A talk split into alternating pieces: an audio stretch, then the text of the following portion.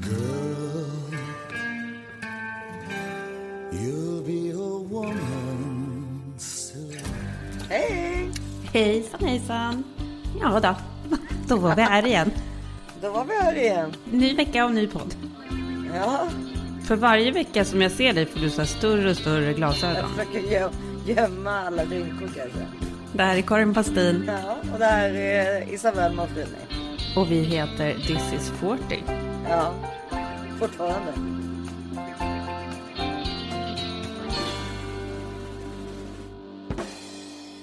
Men nu har du ett par glasögon som är så stora så att jag har faktiskt aldrig sett ett par så stora glasögon. Ja, men de är inte det. Då ser, det ser kanske lite konstigt ut, men så stora är de inte faktiskt. Nej men alltså det är ju coolt ju. Det är ju, vad heter hon, våran idol, tanten? Iris Apfel eller? Ja exakt, Iris Apfel. Som om ni inte har hört om henne måste ni läsa på om henne för hon är för rolig alltså. Ja, hon har ju just gjort en collab med H&M ju. Mhm. Mm, faktiskt jättesnygga saker. Wow, det har jag missat. Men gud vad kul. Jag var precis inne på H&M's. Det var därför jag var tvungen, för vi skulle börja podda här för fem minuter sedan, så jag var lite sen. Det var en sån megastress imorgon och det var kris och katastrof här hemma för att barnen... Det är så himla sjukt med Harry och Cesar, för de har ju liksom alltid skött... Jag har ju typ aldrig behövt klä på dem. Det har varit helt fantastiskt. Jag har ju, man känner ju många människor som är så här, lägger fram kläderna till barnen. Jag har aldrig gjort det. Nej. Med typ ingen av mina barn. Nej, Och nu självklart inte när de är så här gamla, men det hade nästan varit lite perverst om du hade gjort det. nu har de ju skoluniform. Ja, ja, men alltså jag har bara, vissa av mina barn har jag fått klä långt upp i åldrarna. Det, det, har, det har väl med olika Mm. diagnoser att göra skulle jag tro. Ja, Men jag har inte gjort det med någon av dem. Det är helt sjukt. Inte med Ellie heller. Hur som helst så var det värsta katastrofen i morse för att då, nu har de ju också blivit så, i och med att de då också sköter allt det här helt själva så har man ju ingen koll på vad de har och vad de inte har och hej och de säger till när någonting ska köpas nytt. Men de har ju skoluniformer på skolan som de går på. Och sen så är de ju då, båda två har ju typ växt om mig och de är typ lika långa, Harry och Cesar. Så att det är, så här, det är ju typ tjafs varenda dag, vems bralla som är vems, vems tröja som är vems. ja, ja, ja. det där är min Ja, jag vet. Så sjukt. Och sen idag, det här är faktiskt helt sjukt. Henrik bara, men hur är det här ens möjligt? Då hade alltså Harry inga kläder. Då fanns det ingen skoluniform till honom överhuvudtaget. Och sen har jag liksom sprungit runt här och rotat runt i varenda garderob. Helt borta. Det är som det här du vet, med strumpor som försvinner. Fast det här är liksom Ja, men- tröjor och byxor som är helt Men gone. Kan någon klasskompis ha snott den eller? Nej men alltså det, det är ett sånt jävla mysterium. Så det som jag, det jag gjorde nu, som jag var tvungen att göra då innan vi skulle börja podda, var att jag skulle göra en snabb sån här typ Fedex-beställning av kläder. Så jag har kläder till imorgon. Ja, men vad fick han gå i idag då? För du, Nej men då fick jag han ta liksom någonting så här mishmash, eh, någonting som typ var såg lite, ut du var lite kreativ och Ja. bara sydde ihop en liten uniform.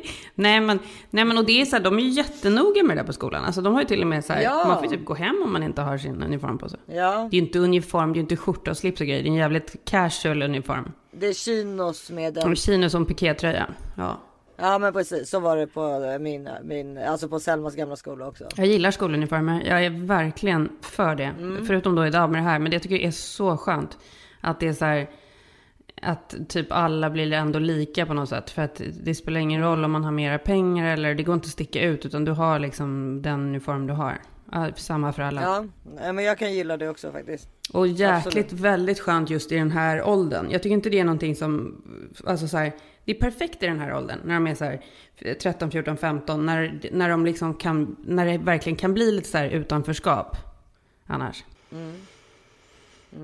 Har du färgat håret eller? Nej, jag ser inte klok ut, jag vet. Jo, jag tycker det var snyggt. Jag har inte gjort någonting. Det är min bedhead. Du vet ju hur jag ser ut när jag vaknar. Jag ser inte klok ut. Ja, men det, jag gillar ju när det ser lite trashigt ut, så det kanske är det då. Ja, det är exakt det det gör. Det ser trashigt ut. Jo, det gör faktiskt det. det, gör det. Varje morgon när jag vaknar så är det så här, men vad är det här? Är det här typ Pamela Andersson? Nej. Alltså så här, på dåligt sätt. ja, I håret. Jaha, Hur mår du? jo, men jag mår bra. Ska inte klaga. Eller ska vi det? Jo då, det får man väl göra. Det här är ju Nej, jag vågar biktbåset. inte klaga längre. Jo, kör på nu. Det här är biktbåset. Nej, nej, nej. men Vad, okej. jo, men vad är det? Nej, men det är faktiskt okej. Jag var ju på den där EMDRen igen och eh, i fredags och efter det har jag mått mycket bättre. För att eh, då fick jag utlopp liksom. Jag lärde, det känns som man måste gå på den där ett, ett par gånger och det här var ju bara min andra gång. Men nu grät jag som fan och det var så här. Jag var så trött. Och vi pratade ju efter det. Du mådde inte så jättebra då. Nej, men sen efter det liksom förstår du, så blev det som om efter några timmar liksom som så blev Det blev det. en release. Ja, det var jätteskönt. Mm. Jätte, jätteskönt. Eh, nej men så det, det är väl bra. Men jag har ju mm, jag har mycket grejer. Jag har haft mycket möten och mycket. Ja, Greta har ju brutit armen som sagt. Mhm. Hur, vad hände? Hur gick det till? Nej men hon ramlade på en skateboard och sen så kom hon hem och hon hade det, det sjuka var att hon hade det här hade ju hänt veckan innan också och då hade det var liksom andra sidan och då såg jag ju att det var en rejäl vurpa för det var ju liksom svullet både vid revbenen. Jag trodde nog att något revben dessutom var brutet.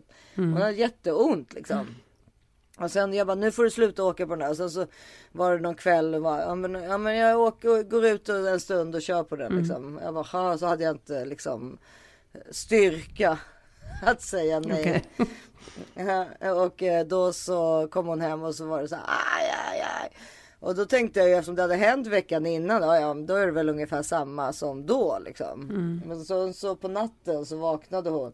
Och då såg jag ju när jag skulle ge henne en Alvedon, så när jag tog tillbaka henne till hennes säng, då såg jag ju att armen, man, så, alltså man ser ju på en arm som är bruten, för den ser ju annorlunda ut. Den är ju liksom lite så här alienformad på något sätt. Nej men lilla gumman. Ja, så det var ju jättesynd om Men henne. gud vad Så då fick- hemskt. Först så åkte, gick vi faktiskt till då vår husläkare som då skickade oss på röntgen och sen så skickade röntgen oss till Astrid Lindgrens eh, barn, alltså Karolinskas eh, barnsjukhus då. Och ehm, ja, och där fick vi ju vara liksom i fem timmar ungefär. Alltså man fick ju vänta länge och då var det ändå inte ens speciellt mycket folk där. Men du vet, det är ju massa som händer bakom kulisserna som man inte vet om. Och då så sa han då Jättesnygg läkare faktiskt måste jag säga. Ja, alltså en amer- han var amerikan. Jaha. Du vet, vet Ja, du ja, vem jag han såg ut som? Jag ska berätta precis vem han såg ut som. Han den där amerikanen i fyra bröllop och en begravning som kommer in du vet och Mm. swipe the feet of Hugh Grants bästa kompis. Förstår du vad jag Ja, ja, menar? jag Den här mörka absolut. killen från Texas. Så kom han in och bara säger yeah, hi. Ja, och då jag var hi. Men pratade han engelska då alltså? Ja, men jag hörde att han hade någon dialekt. Alltså han pratade dåligt. Då sa jag, "Are you from America man? Mm. Ja, yes I am. Ja, så, så Alltså det blev du och han och så kom den där armen i, i liksom bakgrunden. Nej men då precis, nej men då var det så att ja, vi måste gipsa det här nu. Ja. Men sen måste ni komma tillbaka imorgon för, eller om du ty- jag tycker att det här ska repuneras tror jag det heter. Ja, det är alltså när de måste knäcka armen liksom så att den sätts så att den Ja, fixera tillbaka den. Ja, fixerat det precis. Men det är precis på gränsen eftersom hon är ett barn. Så att du kan välja om du tycker att det är för jobbigt för henne. Men du vet, Greta tål ju vad som helst.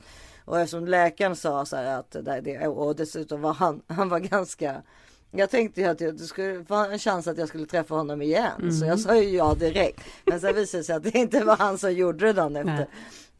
It's not gonna be me. Då sa jag that's unfortunate. Så jag, alltså, vi Ja, verkligen. vi skojade ju lite. Men, ja, men eh, då så, så kom vi tillbaka nästa dag och då, och då var det ju så här ultraljud på armen och lokalbedövning och så fick hon lustgas och då blev hon ju så här hel, alltså då blev hon ju lite så här knäpp i, alltså ja, och jätte, först tyckte hon att hela rummet var helt svart och sen plötsligt tyckte hon att jag hade finnar i hela ansiktet. Jag hade inte en finne. Nej. Mm, ja, men så jag tror att det verkar inte som hon är så drog, eh, alltså romantiker för att hon, alltså hon verkade inte ta droger på speciellt bra sätt om man säger så. Nej. För det här var ju hennes första, första Ja. drogupplevelse, ja, precis. Ja och sen så då gipsa igen hela vägen upp till, alltså hela Men vägen upp. såg du då när de gjorde den där fixeringen, hur gick det till liksom? Ja men det var ju hemskt, de bara knäckte två gånger på hennes stackars arm. Och, Och, och då, hon var, kände liksom ingenting utav det eller? Ja men de var ju duktiga de här sjuksköterskorna på att prata med henne om olika saker så att hon inte skulle tänka på det. Men, Och så var hon ju för, hög på lustgas och lokal bedövning. Och massa Alvedon. Men ehm, ja, Stackars lite. ja, ja. Och sen så är det ju jobbigt nu för hon älskar ju att duscha till exempel. Så det är allt sånt där blir ju mäckigare och så får hon, hon, hon sitter ju aldrig still. Hon vill ju aldrig vara hemma. Hon vill ju bara hålla på och vet, vara ute i parken och så. Och nu kan hon ju knappt göra någonting. Hemskt. Hur många veckor är det, ska det vara gipsat och så då? Ja, fyra veckor tror vi. Men nu ska hon tillbaka på torsdag då. För då ska de röntga igen och se ifall det, att det växer rätt och så. Doctor, give me the news. I've got a bad case of loving you. No pills gonna cure my ear. I got a bad case of loving you.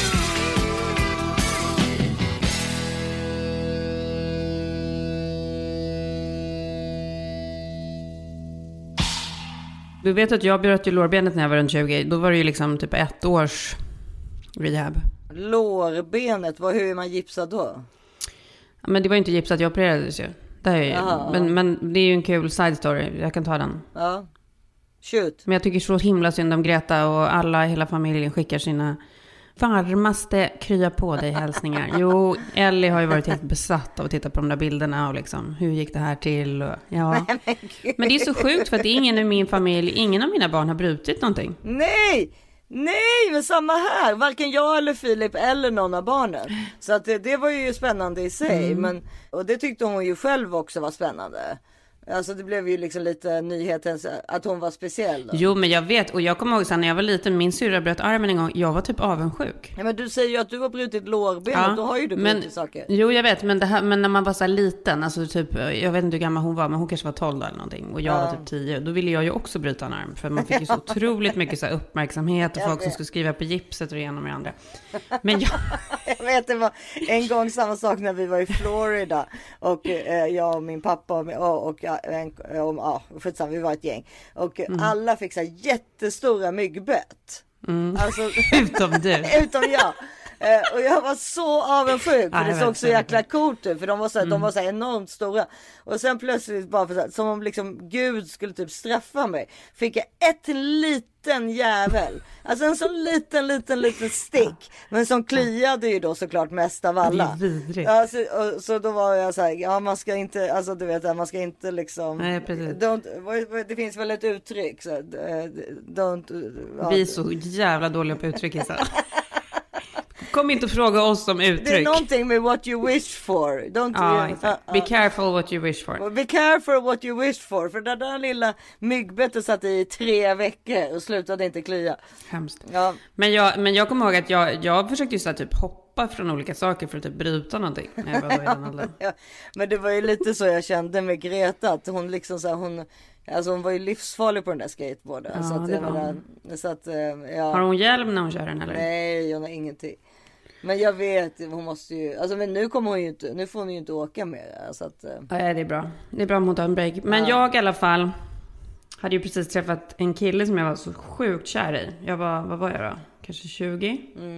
Superkär i den här killen. Och så hade vi varit ute på någon... var det första kärleken? Nej, det är klart det inte var om jag var 20. Ja, men första riktiga kärleken. Nej, innan dess så hade jag faktiskt en kille som jag var tillsammans med i typ två år. Så att jag hade ändå haft lite så här långa relationer. Ja.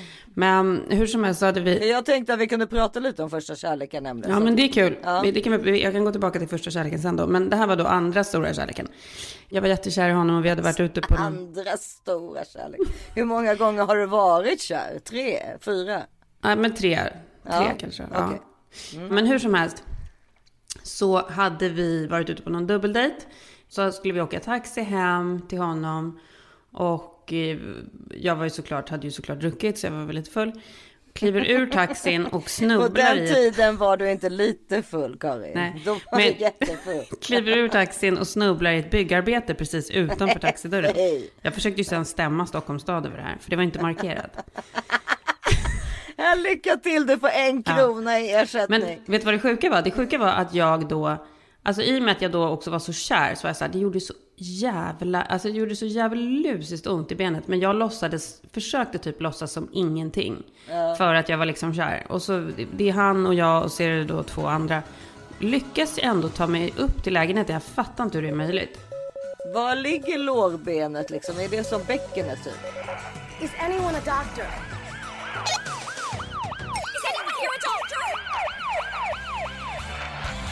Men lårbenet är ju liksom det största, det största skelettbenet du har. Det är det liksom benet som är genom hela låret. Ja, men det är liksom på framsidan av låret eller? Ja, Eller det det går ju kanske? hela vägen liksom. Ja, okej. ja. Ja. Doktor Karin. Du har ingen aning om var lårbenet ligger. Nej, jag har ingen aning. Men hur som helst, jag, jag kommer inte exakt ihåg förloppet, men det, det gick ju såklart inte, utan vi fick ju åka in akut och till sjukan. Och där tror jag faktiskt att det var så att jag svimmade av, jag kommer inte exakt ihåg. Åkte alla fyra med då eller? Nej, han och jag. Eh, och jag blev undersökt av någon läkare och eh, alltså det var verkligen så här, det var ju sjukt traumatiskt och obehagligt för det gjorde så jävla ont så det var inte sant liksom.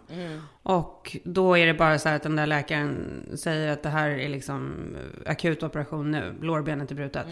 Så det har typ gått av liksom. Vilka jävla vurpor du måste ha gjort. Ja, nej men så jag sövs ju ner på en gång. Tänkte då att jag liksom, han och jag, vi hade ju inte träffats mer än kanske, jag har ingen aning, men typ två månader kanske. Alltså du vet, det var verkligen så sjukt. Vaknar upp efter operationen, då är min mamma där och han är där och så ser så hela här. tjocka släkten på sjukhuset. Ja, nej men och då mamma är liksom så här. Jaha, men gud, hur ska det här gå nu då? Karin har ju ingen, Karin har ingen hiss i sin lägenhet och hej och hå." Han bara, nej men hon får flytta in till mig. Jo, och så, för då fick jag ju liksom två så jättestora metallplattor inopererade på varsin sida liksom av benet och sen så sex megaskruvar. Så de är så stora de där skruvarna. För jag har ju kvar några för de har plockat ut några. Bara för att som en sån här reminder av hur sjukt ändå att man har dem där i kroppen. Jag har ju några kvar. Jag har ju en platta och några skruvar kvar. Men de tog ju bort en platta och några skruvar också. Gör man det bara sådär eller gör man det när man gör en annan operation? Alltså, eh, Nej, men jag, har, jag har ju haft jättemycket problem liksom. ja men för det är inte värt väl att söva någon bara för att ta bort en skruv? Nej, absolut inte. nej. Det är, ju- de, de sitter ju kvar annars. Ja precis. Men då, och sen så i alla fall, ja, men jag får ligga där på det där sjukhuset ganska många dagar. Och han är så här supergullig, kommer upp med så här, du vet, gourmetluncher till mig. Det var så jävla gullig faktiskt. Och sen då får jag ju åka hem då till honom efter, efter det här. Och sen, ja men alltså jag gick ju på kryckor. Jag tror typ att jag gick på kryckor kanske fem sex månader i alla fall. Det är lång tid. Och sen så här rehab, typ ett år. Du vet, det benet var ju så smalt. Det var ju som en jävla pinne. Du förstår ju när man inte liksom har gått på ett ben på så många månader. Ja, nej men den har väl inga muskler kvar överhuvudtaget. Noll muskulatur, det såg inte klokt ut. Och sen, sen så har jag ju faktiskt haft problem med det benet. Ända sen. Så att jag kan inte rekommendera att bryta något.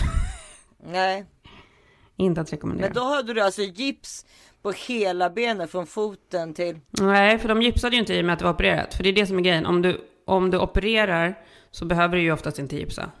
Nej, okej. Men du kan ju fortfarande inte böja eller någonting. Alltså det var ju liksom lindat hårt och... Ja. Alltså det är klart att du inte kan böja ett brutet ben. Nej, men jag tänker eftersom det är låret kan du inte böja i vilket fall. Nej.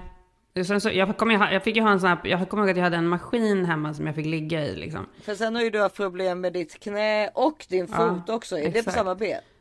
Nej, det är det inte. Men däremot så efter den där operationen så eh, ofta om man har liksom haft ett benbrott eller sådär så förkortas ju ofta det benet. Alltså den armen eller det benet. Det blir inte så mycket, det kan ju bara vara några millimeter. Men Ja, ja, det ja. gör ju att det blir så snedbelastning. Så att av den anledningen så har jag haft problem med andra foten. Ja, nej men precis. Det kan jag känna nu med min operation. Vänta nu, den här bilden man ser framför sig. Så släp.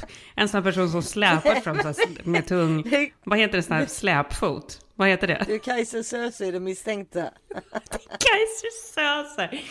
Här kommer Kaiser Sözer.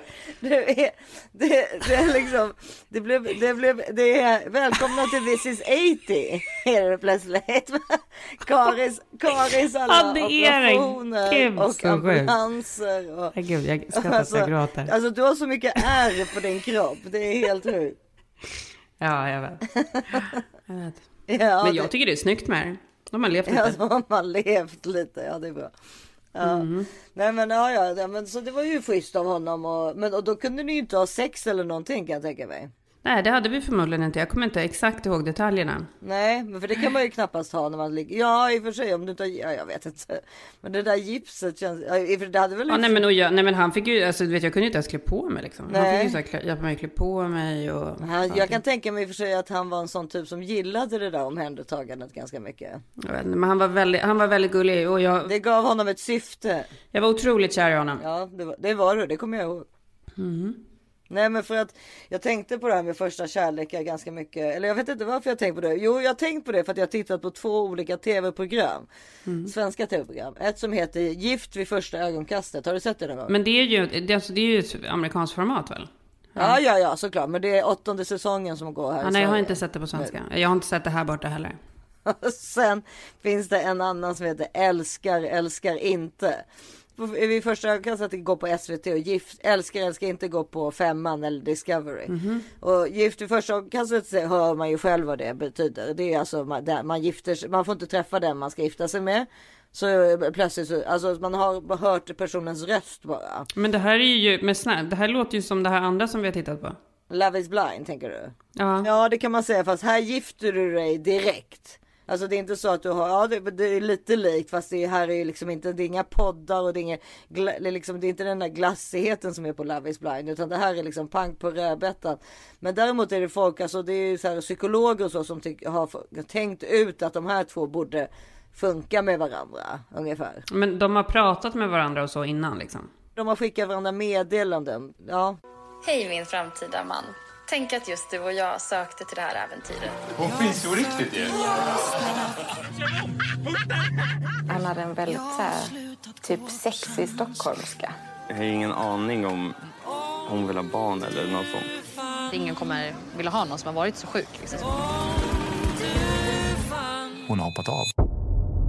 Nya par blir gifta vid första ögonkastet i SVT. Och sen då så gifter de så den där, när de ser varandra för första gången då gifter de sig. Sen flyttar de ihop i fyra veckor efter giftermålen. Så vi är alltså på bröllopsresa nu? Men idag kanske inte behöver ses så jävla mycket. Jag är nog mer independent så och det är viktigt för mig att så här, göra andra saker. Så det är så konstigt att det känns så bekvämt att ligga så nära någon. Jag har en häst som är generellt skeptisk mot människor han inte känner och män i synnerhet. Jag har eh, byggt upp en liten... Kemi finns det ju mellan mig och Märta. Frågan är väl lite vilken typ av kemi? Jag fick en hjärnblödning. Så ibland behöver jag varva ner lite. Det är viktigt att du vet om det. Alltså, du får ursäkta mig, men jag blir typ förbannad när jag hör det här. Ja men grejen är att vissa, Varför i hela fridens skull skulle du göra något så dumt? jag tycker du vet det är så jäkla bra va. Men visst alltså det är sån skämskudde. Du, tittar, du, du kan inte liksom för vissa par. Jag skäms bara jag hör dig berätta det här, för jag tycker jag skäms över vad det är för människor som kan tänka sig att göra något sånt. Nej men vadå jag hade typ kunnat tänka mig att göra något sånt. Men sluta! Jo, jag tycker det låter Gifta dig med en person som du aldrig har träffat. Ja, men why not om jag hade varit singel? Herregud det är väl bara att skilja Det är sig. ju så arrangerade äktenskap. Det är väl bara att skilja sig. Okej. Ja men du vet jag kan ju tänka mig att sitta i fängelse och sånt där också bara för att prova.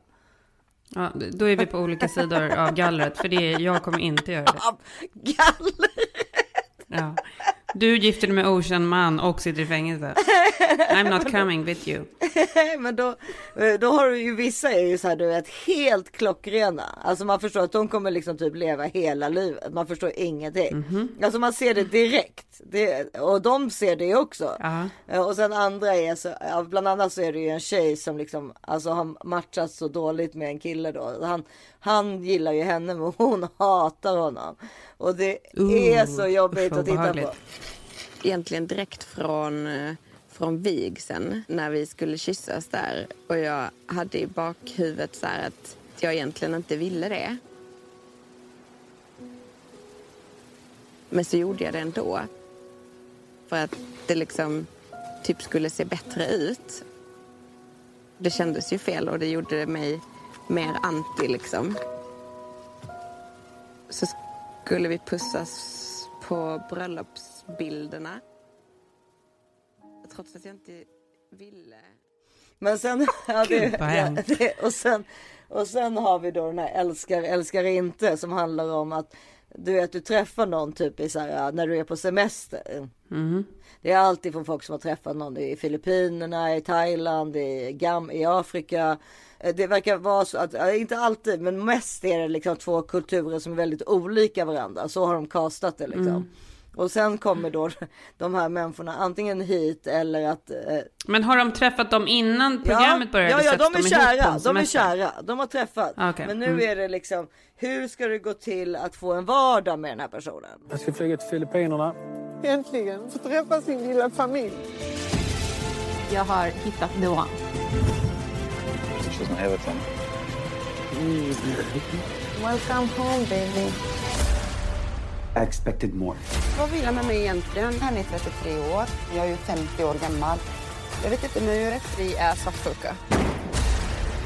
Älskar, älskar inte. Ny säsong onsdag 26 januari på Discovery+. Plus.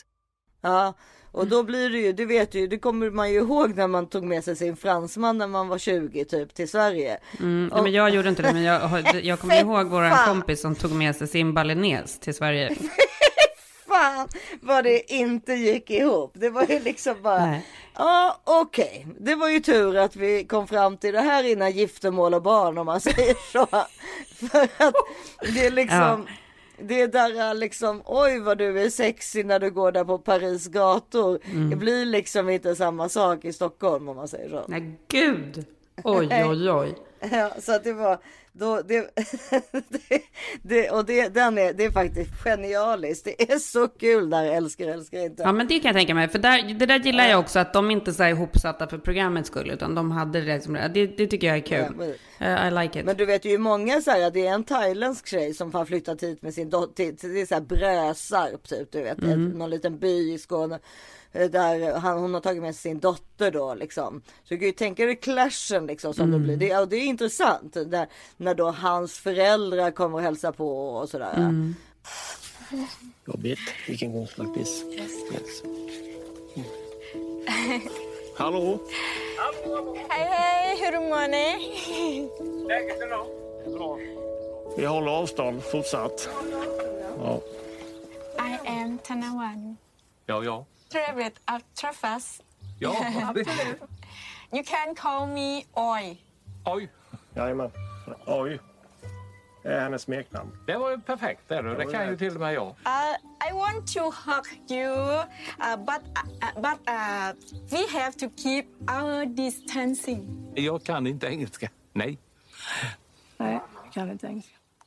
Och maten som lagas, för hon lagar ju såklart då thailändsk mat och det är spicy och föräldrarna liksom. Ja, nej men det blir väldigt. Gud, vad intressant. Ja, men det, det, det, det kan jag tänka mig att det är intressant och kul. Och jag vet inte varför det förde mig till första kärleken, men mer så här att jag tänkt på att Ja men lite det här first cut is the deepest. Mm. Alltså vad, vad hade hänt liksom om, om man hade blivit ihopparad eh, med sin första kärlek och skulle bo med den personen i tre veckor till exempel.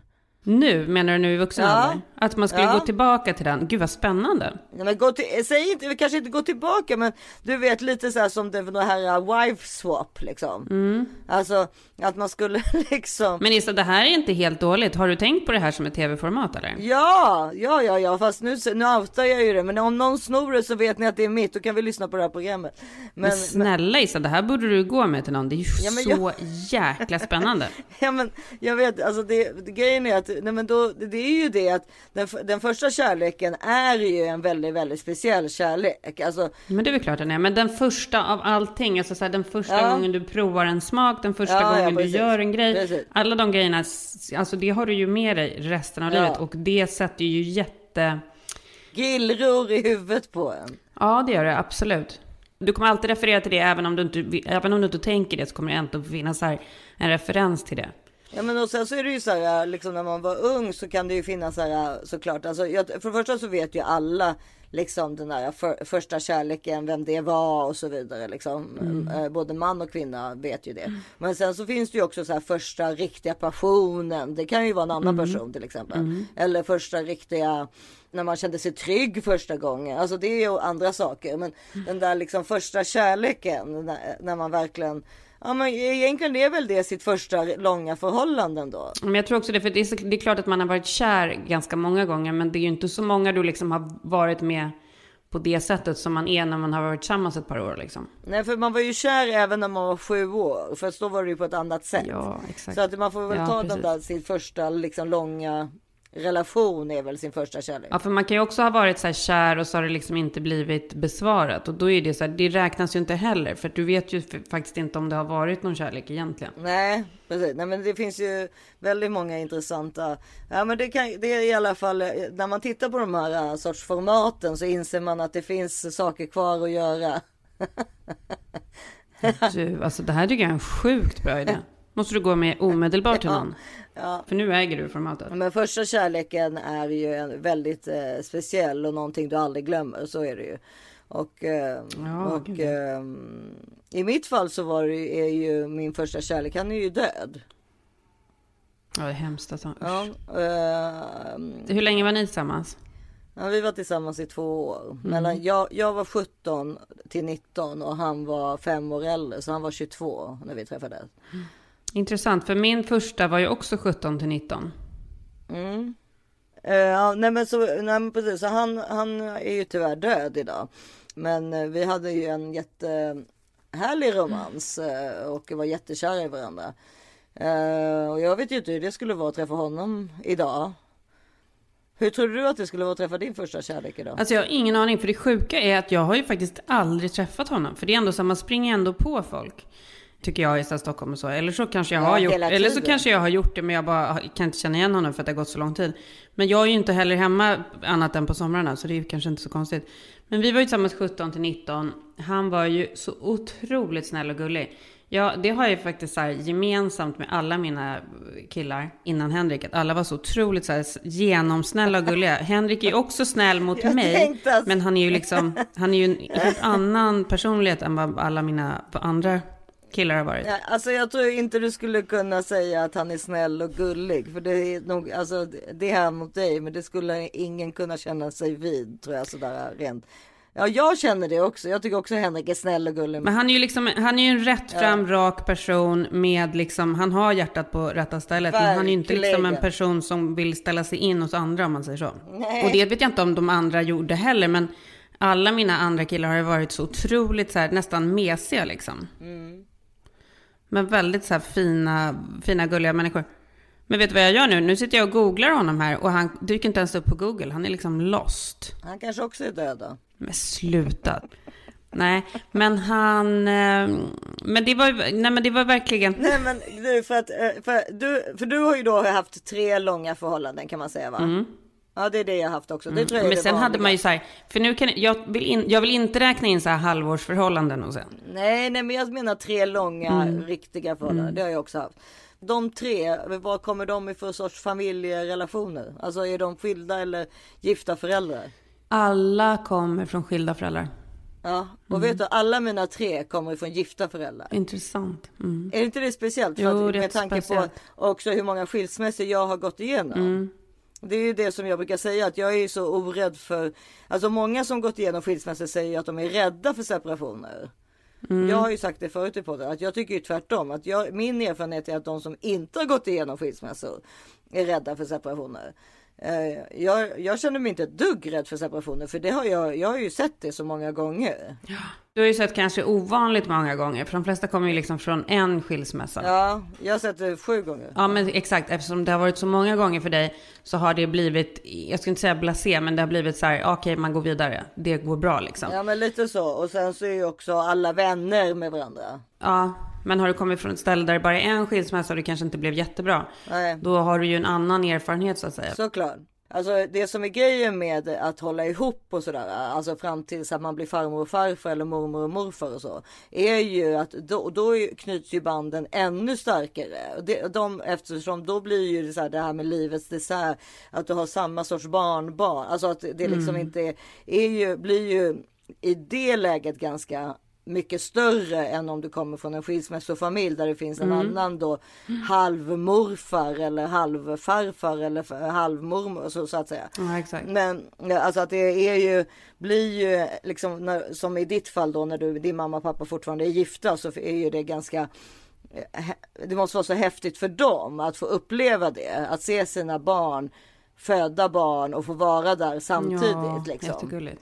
Det, är, ju- det är ju verkligen få förunnat. Ja, för det är verkligen så här, alltså om man behöver skilja sig, då behöver man skilja sig. Det är ju liksom ingenting att snacka om. Det är ju självklart, men det är det som man kan vara avundsjuk på när man, alltså som man förstår eh, när man själv blir gammal, om man får bli, får bli det. Mm. Så, så, så att det, det skulle vara härligt att få uppleva det tillsammans med sin partner. Ja, exakt. Eh, alltså tillsammans med pappan till sina barn rättare sagt. Mm. Men annars så har jag ju, jag är ju väldigt, alltså jag har ju bara haft ganska bra skilsmässor vad jag kommer ihåg i alla fall. Min mammas och pappas kommer jag inte ihåg men min mamma är ju som sagt gudmor till min pappas sista barn och så vidare. Mm. Och alla är jättebra kompisar och alla ringer varandra och det är liksom hitan och ditan. Ja, men och då är ju inte det traumatiskt för dig. Ja, men jag tror också att det har att göra med att det har varit flera skilsmässor. Att det inte blivit, det är inte en jättebig deal. Nej, de, är- de, är, de är väldigt chill på det sättet min familj. Att de är så här, ja men Mm. ja det är klart man gifter sig igen ungefär. Mm. Alltså att det är liksom ingen big deal. Ja, nej men det är väl egentligen inte det. Det som är en big deal är ju så här, hur, alltså det sjuka är ju tillbaka till det här. Vad sjukt att du ska liksom leva med en person hela livet. Ja, Men det är ju fantastiskt om det funkar såklart. ja. Nej men det är ju också en sån här, det, det är ju bara en samhällsnorm. Alltså som, jag har inte sett den men Tuva Novotnys eh, nya film verkar ju handla lite om det. Mhm. Diorama heter den. Mm. Alltså den kommer på bio. Men då, hon har ju varit lite i ropet här nu för att hon eh, verkar ju vara typ i nionde månaden. Mhm. Och, att, och folk tror, säger, hon berättar inte vem pappan är men ryktet är att det är Alexander Skarsgård som Mm. är pappan. Och sen så har hon ju varit i ropet då för att, för att hon gick på Ellegalan då, då såg alla att hon var gravid Mm. och sen intervjuades och nästa dag i TV4 och då handlar tydligen den här filmen just om det här med att det är så här att det håller på att luckras upp liksom de här normerna om den perfekta liksom att det skulle vara så självklart att man skulle leva i en tvåsamhet till exempel och sådär. Ja. Att det är liksom så här, varför skulle det vara så självklart? Det är bara någonting vi har blivit tillsagda att det är självklart. Mm. Det skulle lika gärna kunna vara lika normalt att man levde med tio män samtidigt. Eller, alltså, det är bara det att det inte är det för oss. För att vi är så inva- vi har vant oss vid att folk säger att så här ska vi leva. Mm. Men egentligen så, så finns det ju ingenting som säger att det skulle vara bättre eller sämre. Så kan man väl säga. Absolut inte. Men, men eh, Det som är skönt och är ju den där grejen med att så här, när de blir stora och de får sina egna familjer och, och det är ju någonting som är liksom... Jo, nej men precis. Men alltså, det önskar man ju skulle hända att man får, får uppleva det. Men, men jag menar mer på så här att eh, vad är en familj?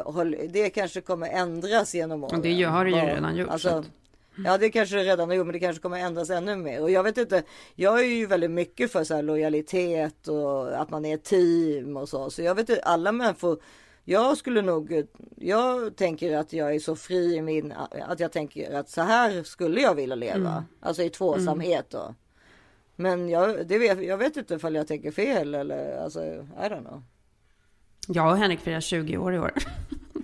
Ja, Men gör inte ni också det eller? Jo jag tror det. Alltså, Är inte det helt otroligt länge? vad 2000, jo, jo vi träffades 2003 ja. Är inte det helt otroligt länge? Jo. 2002 blir det ju. Ja men då vi, då vi träffades 2003. Ja, det är ju väldigt länge alltså. Men, och det, det, som, ja, men det är väldigt länge, men det jag skulle också lägga till att det är väldigt... Eh, alltså det är ju någonting som är när man har varit tillsammans så här länge och man har tagit sig igenom också så stora kriser och bråk och hej och hå, att det liksom, man känner ju en så här väldigt stor trygghet i det liksom. Ja, och en väl, värme liksom, Ja. som är speciell. Och att det finns utrymme för misstag och det ena med det andra liksom. Mm. Men första kärleken, den ligger där och lurar. Den ligger där och. Gud, nu, jag är så himla nyfiken, för det där är ändå så här kul grej. Man går ju ändå in, jag är ju typ till exempel aldrig på Facebook. Alltså jag är verkligen aldrig där. Jag ser att du är där ibland. Men jag går in, kanske, ja, ja. Jag går in på Facebook kanske en gång i Jag månaden. lägger ju ut våran Ja, jag is vet. 40 där. Men jag går in där kanske Det tycker en- jag är ambitiöst Ja, av mig alltså. Men jag kanske går in där en gång i månaden när jag har någon sån här vargtimme och jag har tittat på allting annat. Och då landar jag på Facebook. Och då brukar jag titta på så gamla kompisar. Jag kan googla gamla killar. Mm. Eh, för det är typ, på någon sjuk anledning så verkar det vara där alla de är. Ja, du har omoderna gamla killar med andra ord. De är inte på Snapchat direkt. Men han är inte där, den första i alla fall. Nej, nej, nej, vi får leta efter honom. Vi kanske, det är kanske ni som blir första paret ut i min nya såpa. Gud, aldrig i livet.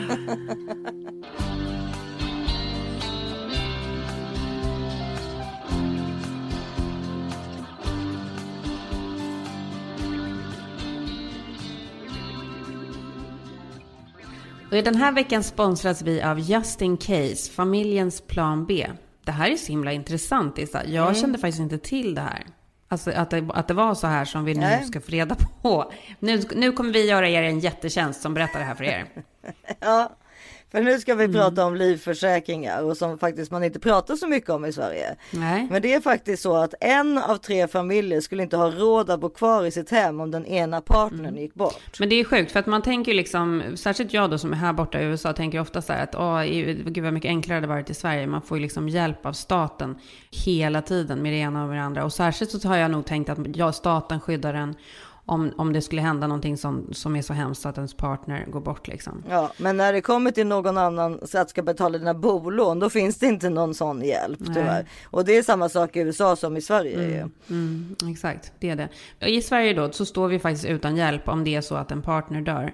Då står man på gatan om man inte kan få hjälp från någon man känner. Och i Sverige är vi liksom experter på att försäkra allt utom oss själva. Mm, och det är därför vi älskar då Just In Case att det finns. Mm. För att det är experter på försäkringar och har gjort det så enkelt för alla att skaffa en väldigt bra och prisvärd försäkring. Man kan välja belopp mellan 2 till 10 miljoner kronor och det går bara på några Mm. minuter som man tecknat en fantastiskt bra livförsäkring.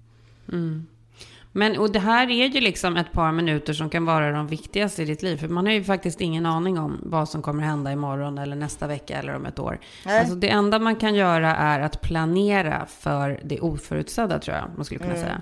Passa på nu, gå in på justincase.se slash thisis40, this is 40 och få första månaden gratis på din livförsäkring. Det tar alltså bara några minuter att registrera sig och så vet man att man har tryggat sin familjs framtid. Det är himla viktigt det här. Mm, och jag tror faktiskt också att det är så att man tänker kanske typ så här som kvinna att ja, men det där har kanske killen gjort, alltså i sin relation. Mm. Men Mm. eh, ja, det ska vi inte vara säkra på utan vi kvinnor måste ta, eh, alltså, ta hand om såna här saker för så att det, det verkligen blir gjort. Absolut. Eh, och, och som sagt otroligt viktigt att det finns om någonting skulle hända åt bägge hållen. Liksom. Verkligen. Mm. Gå in på justincase.se slash this is 40, this is 40. Ja. Den här veckan fortsätter vårt underbara samarbete med Flowlife. Kul att du säger det, för jag har faktiskt en ganska rolig anekdot från veckan. Ja. Det här är så, det här är så sjukt, för att vet, ja, det är ju liksom att man är ju on the clock hela tiden. Det är ett rullande schema med det ena från ett... Körschema, körschema, körschema. Mm. Man är på ett rullande körschema hela dagen och har liksom Mm. inte tid med någonting. Men jag tog mig faktiskt tid för att gå och ta en massage förra veckan. Så jävla sjukt. Ja. Bara, åh, såg fram emot det där så mycket. Sen när jag väl låg där och hade den här massagen så var jag så stressad så att jag kunde liksom inte njuta överhuvudtaget. Senare på kvällen kom jag och satte mig i soffan och så tog jag fram min Flowlife-kudde och bara, alltså jag njöt så mycket. Mm. Jag satt i mitt hem Ja. med min Flowlife-kudde i ryggen. Jag tittade på en tv-serie. Jag hade Ellie bredvid mig som satt och ritade. Jag hade Tryggheten. full koll. Ja, tryggheten. Mm. Alltså helt otroligt. Och då kände jag bara så här, aldrig mer. Jag kommer bara köra Flowlife. Det är inte ens en idé att gå och ta en massage. Nej men alltså jag vet, det är ju läskigt att gå och ta massage. Ja, men för, det, är, för det går inte att slappna av på det sättet. Nej. Men, men däremot i sitt hem med Flowlife Gun eller med kudden så är det bara 100% avslappning. Så himla härligt alltså. Underbart. Nej men för grejen är att vi, vi är ju människor som har bägge tagit mycket massage i våra liv. Men jag tycker vi har Verkligen. blivit för gamla nu. Jag tycker det känns liksom lite, nu vill jag bara vara hemma med, med mina massagegrejer. Ja, det är väl det som är grejen. Så här, om man åker iväg på en spahelg, då kanske man liksom kan hitta den där ron. Men det är svårt att hitta den ron i vardagen, att liksom göra det. Och då är det verkligen som att bara kasta pengarna i sjön. Men det är det inte att köpa en Flowlife-kudde. Nej. Det är inte pengarna i sjön. Nej. Eh, Flowlife är, hjälper och, och, och, vår, våra liv otroligt mycket med både återhämtning och avslappning. Mm. Och med koden thisis40 så får man då 10% extra på redan nedsatta varor Mm. och 20% på sådant som är ordinarie pris. Som vanligt gäller 100 dagars nöjd kundgaranti så man får chans att lära känna sina tränings och massageprodukter hemma i lugn och ro. Mm. Jag har en grej som jag ser framför mig i sommar. Det är hur jag ligger i hängmattan med min massagekudde. Ja, gud så skönt. Som en, Så nästan som, som en vattensäng som kan massera. Ja, men det, typ. du du vet när jag lägger den där uppe i nacken i Ja. hängmattan så känner jag att den kommer liksom, alltså det, jag tror att det kommer vara helt oslagbart. Gå in på flowlife.com och botanisera Mm. och eh, gör er själva en tjänst och köp en Flowlife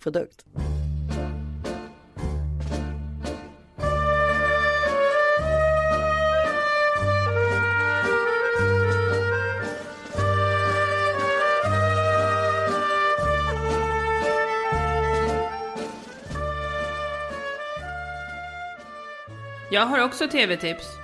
Paramount Plus har ju ni. Ja. Eh, Den heter The Offer och handlar om när man skulle göra Gudfadern. Det är tio delar. Oj. Eh, dramaserie som är, alltså den är så rörig men underhållande. Ja, det är bara så här gamla Hollywood-miljöer. Ja. Och så gudfadern på det, herregud. Men alltså du förstår inte, det är helt fantastiskt. Och det är helt fantastiskt, alltså nu när man får reda på det. För att det är, det är vad heter han, Mario... Put, det är Mario Puzos bok och eh, Francis Ford Coppola som har regisserat. Precis. Hela den här eh, tv-serien då bygger på producentens egna berättelser om hur det här gick till. För du vet att så här, maffian var ju helt tokiga. De ville ju inte att den här filmen skulle göras. Alltså de, de besköts ju och allt möjligt. Och Bob Evans som var så här, chef för Paramount Studios blev ju mordhotad. Han fick ju en så här död råtta i sin säng och massa andra det, var grejer. inte, det var inte ett hästhuvud där utan han fick en liten råtta. Ja, nej men, nej men alltså ja, men han var ju livrädd och ville liksom stänga ner, Jo, jo, det stänga ner jag. projektet. Men Vet, att, en råtta var lite väl larvigt. Ja. Jo, jag, ja, men jag har inte kommit hela vägen in. Det här kommer såklart hända värre Ja. grejer. Men nej, men den är, alltså, den är helt fantastisk. Och när man, som oss då, som älskar Gudfadern. Det, är liksom, det är en film som man kommer, det kommer ju vara topp ett hela livet. Alltså så kommer det vara. Det kommer inte komma Nej, någonting det- bättre det- än Gudfadern. Det blir svårt. Det finns inget bättre. Och musiken och liksom Mm. alltihopa. Vi behöver lägga in klipp och vi lägger, behöver lägga in musik. Det finns ingen bättre film, serie. Eh, och att när man nu ser då hur det här gick till, hur den gjordes och, och så, så förstår man ju att det var ju på det så kallade håret att det här gjordes överhuvudtaget. Med tanke på Mm. hur, liksom, hur, hur mycket problem det var att få till det. Det var ju faktiskt helt sjukt liksom. Det är då de bra sakerna händer ju. Can one thing go right with this picture? You want to make a movie that's going to make my people look like animals, and that ain't going to happen. I respect what you're saying, and I think I have a solution to our problem. You're still gonna try and make this thing? I got no choice. I took a chance on you and you stabbed me in the back. I won't judge you if you need to walk away from this. I'm not running either. This is what it's all about. The excitement. The thrill. That's movie magic, baby. Jag vill verkligen rekommendera den. Eh, kul också att se någonting helt annat än vad liksom alla andra tv-serier handlar om. Att, liksom så här, att det handlar om the making av någonting som blev så stort liksom. Mm. Härligt. Så den rekommenderar jag. Eh, det är min första rekommendation. Sen tittar jag på en annan grej som jag tittar på med skräckblandad, inte ens förtjusning för jag tycker att det typ är så obehagligt. Den bygger också på en sann historia. Eh, den heter Under the Banner of Heaven. Jag vet inte vilken kanal den går på i Sverige, men den finns. Eh, och annars är det bara att köra via VPN. Det handlar då om, eh, ja men i grund och botten så är det väl så här mormonrörelsen då. Mormonrörelsen i USA, det, det liksom börjar med ett mord som sker 1984 i den här mormonrörelsen i några som är så här extremt troende. Alltså den är riktigt obehaglig.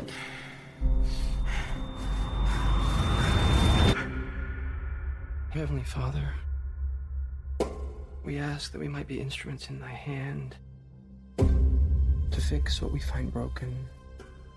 In the name of Jesus Christ.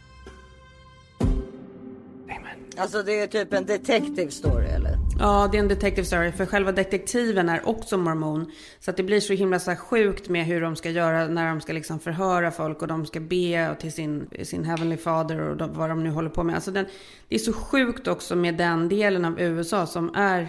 De är ju inte, extrem, de är inte så extrema idag kanske.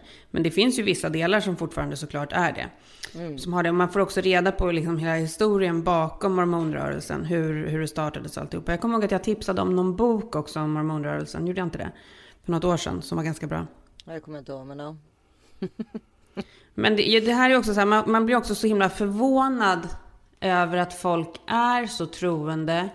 Eh, och samma sak som så här med hela abortmotståndsrörelsen och alltihopa. Man, hela tiden blir man ju så förvånad över att det finns, att folk är så otroligt olika. Att folk tror så himla extremt på någonting som vi tycker är så himla absurt. Mm. Det är också bra att se sådana här saker. Även om den här nu är väldigt extrem, men det bygger ju ändå på ett sant case liksom.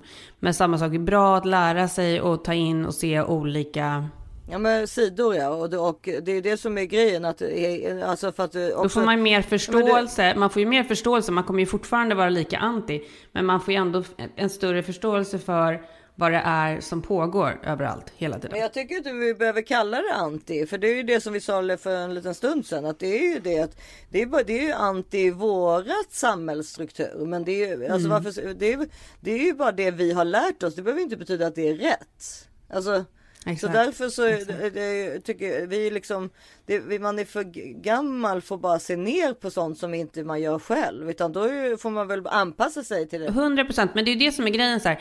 Jag, jag, så så här, jag är 100 procent för att alla ska få utöva sin tro och liksom leva hur de vill och hej och. Men tryck inte det på mig bara. Apropå det andra klippet som jag la ut på min story häromdagen med den här tjejen som, eh, som just pratar om abortmotståndarna. Eh, motståndarna. Nej, vad var det för någonting? Vänta, jag skickar den till dig så kan du spela upp den. Den har ju inte med den här tv-serien att göra eller någonting. Men just den här grejen med att så här, jo men vi kan acceptera att alla andra, att alla tror på olika saker. och Alla har liksom eh, olika sätt som de lever på. Men, men det är ju också det som är grejen. Då måste ju de också acceptera att vi inte vill leva som dem. Mm. Här, jag skickar den till dig nu. Ja, jag har inte fått det. Men ska vi ta ett eh, beauty-tips så länge? Jo men den kommer nu, den kommer nu. Den är, la- ladda ner den igen. Den, har- den, nu har den gått iväg.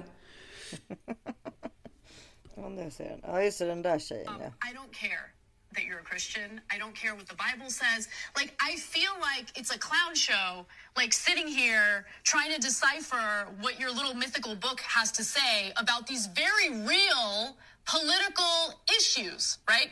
I don't care if you're Christian. In fact, I will fight for you to have your religious liberty and vill vi ju. practice your. Christianity. I believe in that. I don't believe in Christianity, which means that you do not get to dictate the way life based on your religion. I don't care what the Bible says. You have every right in the world. All those women who identify with your religion have every right in the world to not get an abortion, to not take birth control, but they do not have the right to dictate my life and what I decide to do with my body. I don't care about your goddamn religion. I'm so tired of having nonstop conversations about what the Bible says. You live your life in the way that you interpret the Bible. Ja. Ja, nej men jag bara tänker att hon måste, alltså om hon säger så i amerikansk tv, efter det behöver ju hon ha Livvakter. här, livvakter. Mm. Alltså man blir ju dödshotad när man pratar på Mm. det där sättet i Amerika. Men det är ju också så här, vi försvarar ju deras eh, frihet för deras religion. Alltså att de ska få liksom tro och tycka och tänka hur de vill. Men då, då, det de tror på kan ju inte vara det vi måste tro på. Nej men det är ju det som är problemet i världen, är ju att eh, det är så polariserat, alltså alla, att man inte kan bara respektera att någon annan tycker något annat och så är det okej.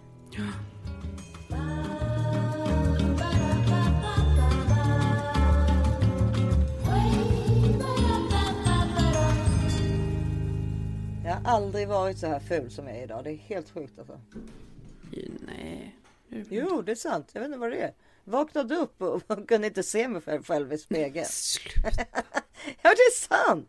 Varför? Jag vet inte ifall det kommer ifrån att jag åt, po- alltså, du vet att jag är så här, eh, jag åt popcorn fast inte igår i förrgår. Kan det komma så långt senare? Popcorn, vad skulle det vara för... Ja men du vet att det är mycket salt och att jag, jag är liksom så här vattenfylld på något sätt. Ja okej, ja, jag, jag har ett beauty-tips. Jag, jag tror att vi i början av podden faktiskt har tipsat om den här eh, förut. Men det är liksom, jag, jag, alltså framförallt nu när det börjar bli lite varmt. För när man går ut och promenerar så svettas man ju som fan. Ja. Eller jag Mm. gör det i alla fall. Och då är den här då Clinique High Impact Zero Gravity Mascara heter den. Mm. Alltså det är det där. eh, Ja, det är en gammal favorit. Den sitter som en Mm. stock alltså.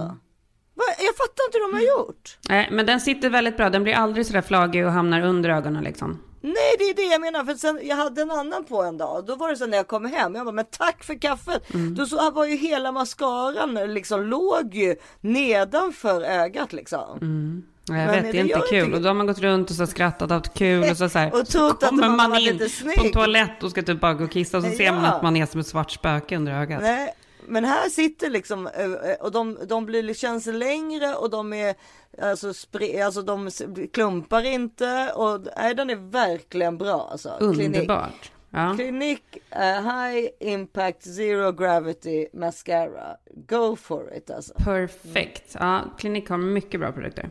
Ja, ja, det är inte klokt. Så bra. Ja, så bra.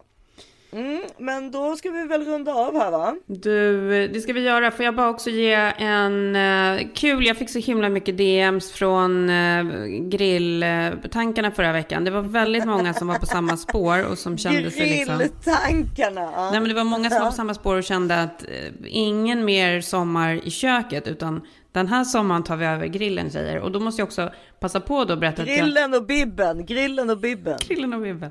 Nej men då måste jag också passa på att jag fick ju också revansch några dagar senare. Det var ju misslyckande då första gången. Men min andra grillning gick alltså helt otroligt. Förutom att jag då upptäckte att grillen hade varit på en hel vecka. Ja, det behöver vi inte prata så mycket om. Det var ju lite så här, det var lite, det var lite sorti på stämningen där i början.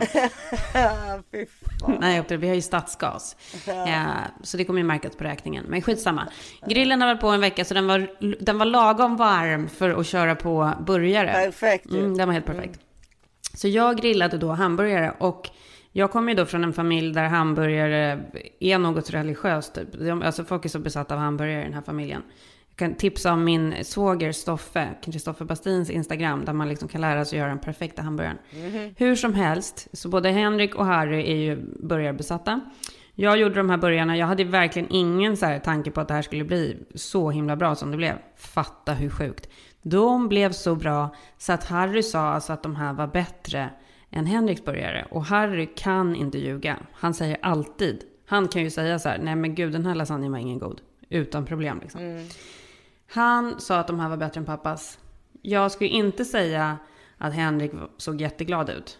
Nej, nej, nej, nej. Han börjar, Men, nu han, börjar åt, han ju men ana- han åt två stycken. Han börjar ana det- ugglor i mossen nu. Här. Han börjar ana ugglor i morse, så kul. För han trodde ju typ inte att jag skulle våga mig på grillen igen. Nej, nej, nej. Har du målat där bakom då? Eller är det fortfarande svart? Jag har kört, jag har kört klorin. Jag måste köpa typ en splash eller någonting och sätta där bakom. Men körde du smashed burger eller vanliga burgers? Vad är skillnaden? Ja men du vet det har jag nämligen lärt mig. Smash burger då tar du liksom bara en köttfärsbit eller vad du ska säga. Alltså, är så- ja, du håller inte på knådar och grejer. Nej och sen så bara kör du. Alltså det är lättare att göra på en liksom i- stekpanna. Vi har, jag har ju en sån här stekhäll. Du vet Mm. typ som på restaurang. På en sån är det perfekt att göra så. Och då så bara slänger du det typ som en kastrull på din eh, köttfärs så att den blir liksom Mm. går, blir som en hamburgare. That's it. Nej, så körde jag inte. Och så steker du det. Men jag knådade inte färsen. Nej det är bra för det är det som är grejen. Det, det är också det här, nu kör vi, vi kanske ska börja med mattips här för att eh, det är en grej som man- man ska lära sig. Att knåda, om du ska göra köttbullar, pannbiffar, alla möjliga sådana saker eller hamburgare. Knåda din deg så lite som möjligt. Mm. Du måste ju få in saltet och pepparn och det. Men man ska ju man ska inte liksom knåda sönder det. Nej och sen om man vill få det liksom lite luftigare så finns det ett annat tips. Det är att sätta in mineralvatten. Mm. Det blir jättebra. Mm. Ja. Men det jag gjorde då, eh, som också är, som Henrik faktiskt aldrig gör, och som säkert inte Stoffe heller gör, och jag menar, de skrattar ju åt mig när jag tror att jag sitter och kan ge tips om en hamburgare, för de har hållit på med hamburgare i typ Ja. 40 år. Ja. Det som jag fick lära mig då när jag höll på och googlade runt och, och gjorde min egen research, Mm. Det var ju då att man, man tar den där burgaren, man rullar ihop den lite och så bara eh, plattar man ut den. Det spelar ingen roll om det är sprickor eller så i den. Nej, man ska nej, absolut inte försöka reparera det. Eh, och sen så gör man typ som en, så att den är lite djupare i mitten än vad den är på sidorna. Eh, det här var någon grillmaster, amerikansk award-winning hamburgermästare Ja. som berättade det. Och sen har man på bara jättelite olivolja där i det här, i det som är i mitten, bara pensla på lite. Ja, Mm. och så lägger du på, och sen så kör du salt och peppar ovanpå.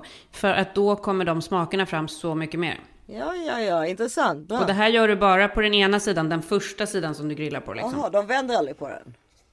Jo, det gör det ju. Men den där, Ja, jag förstår, jag den där förstår, jag oljan är ju bara Ja, på den där, oljan är bara på den sidan där det är liksom som en liten, det är liksom bara en pytteliten liksom urgröpning. Bra, bra tips. Alltså de blev så bra. Jag kan prata om det här i en timme hur bra de Ja, blev. det förstår jag med tanke på att det är din andra gång du grillat i hela ditt liv. Känner mig så glad efteråt. Mm. Grattis! Bra jobbat! Ja, det var härligt. Mm. Okej, men då, då tar vi väl och eh, stänger ner för denna vecka. Ja, det gör vi. ja. Puss och kram. Ni hittar oss på Instagram som thisis40podd. Och jag heter Karin Bastin. Ja, och jag heter Isabelle Manfrini. Hej då! Hej.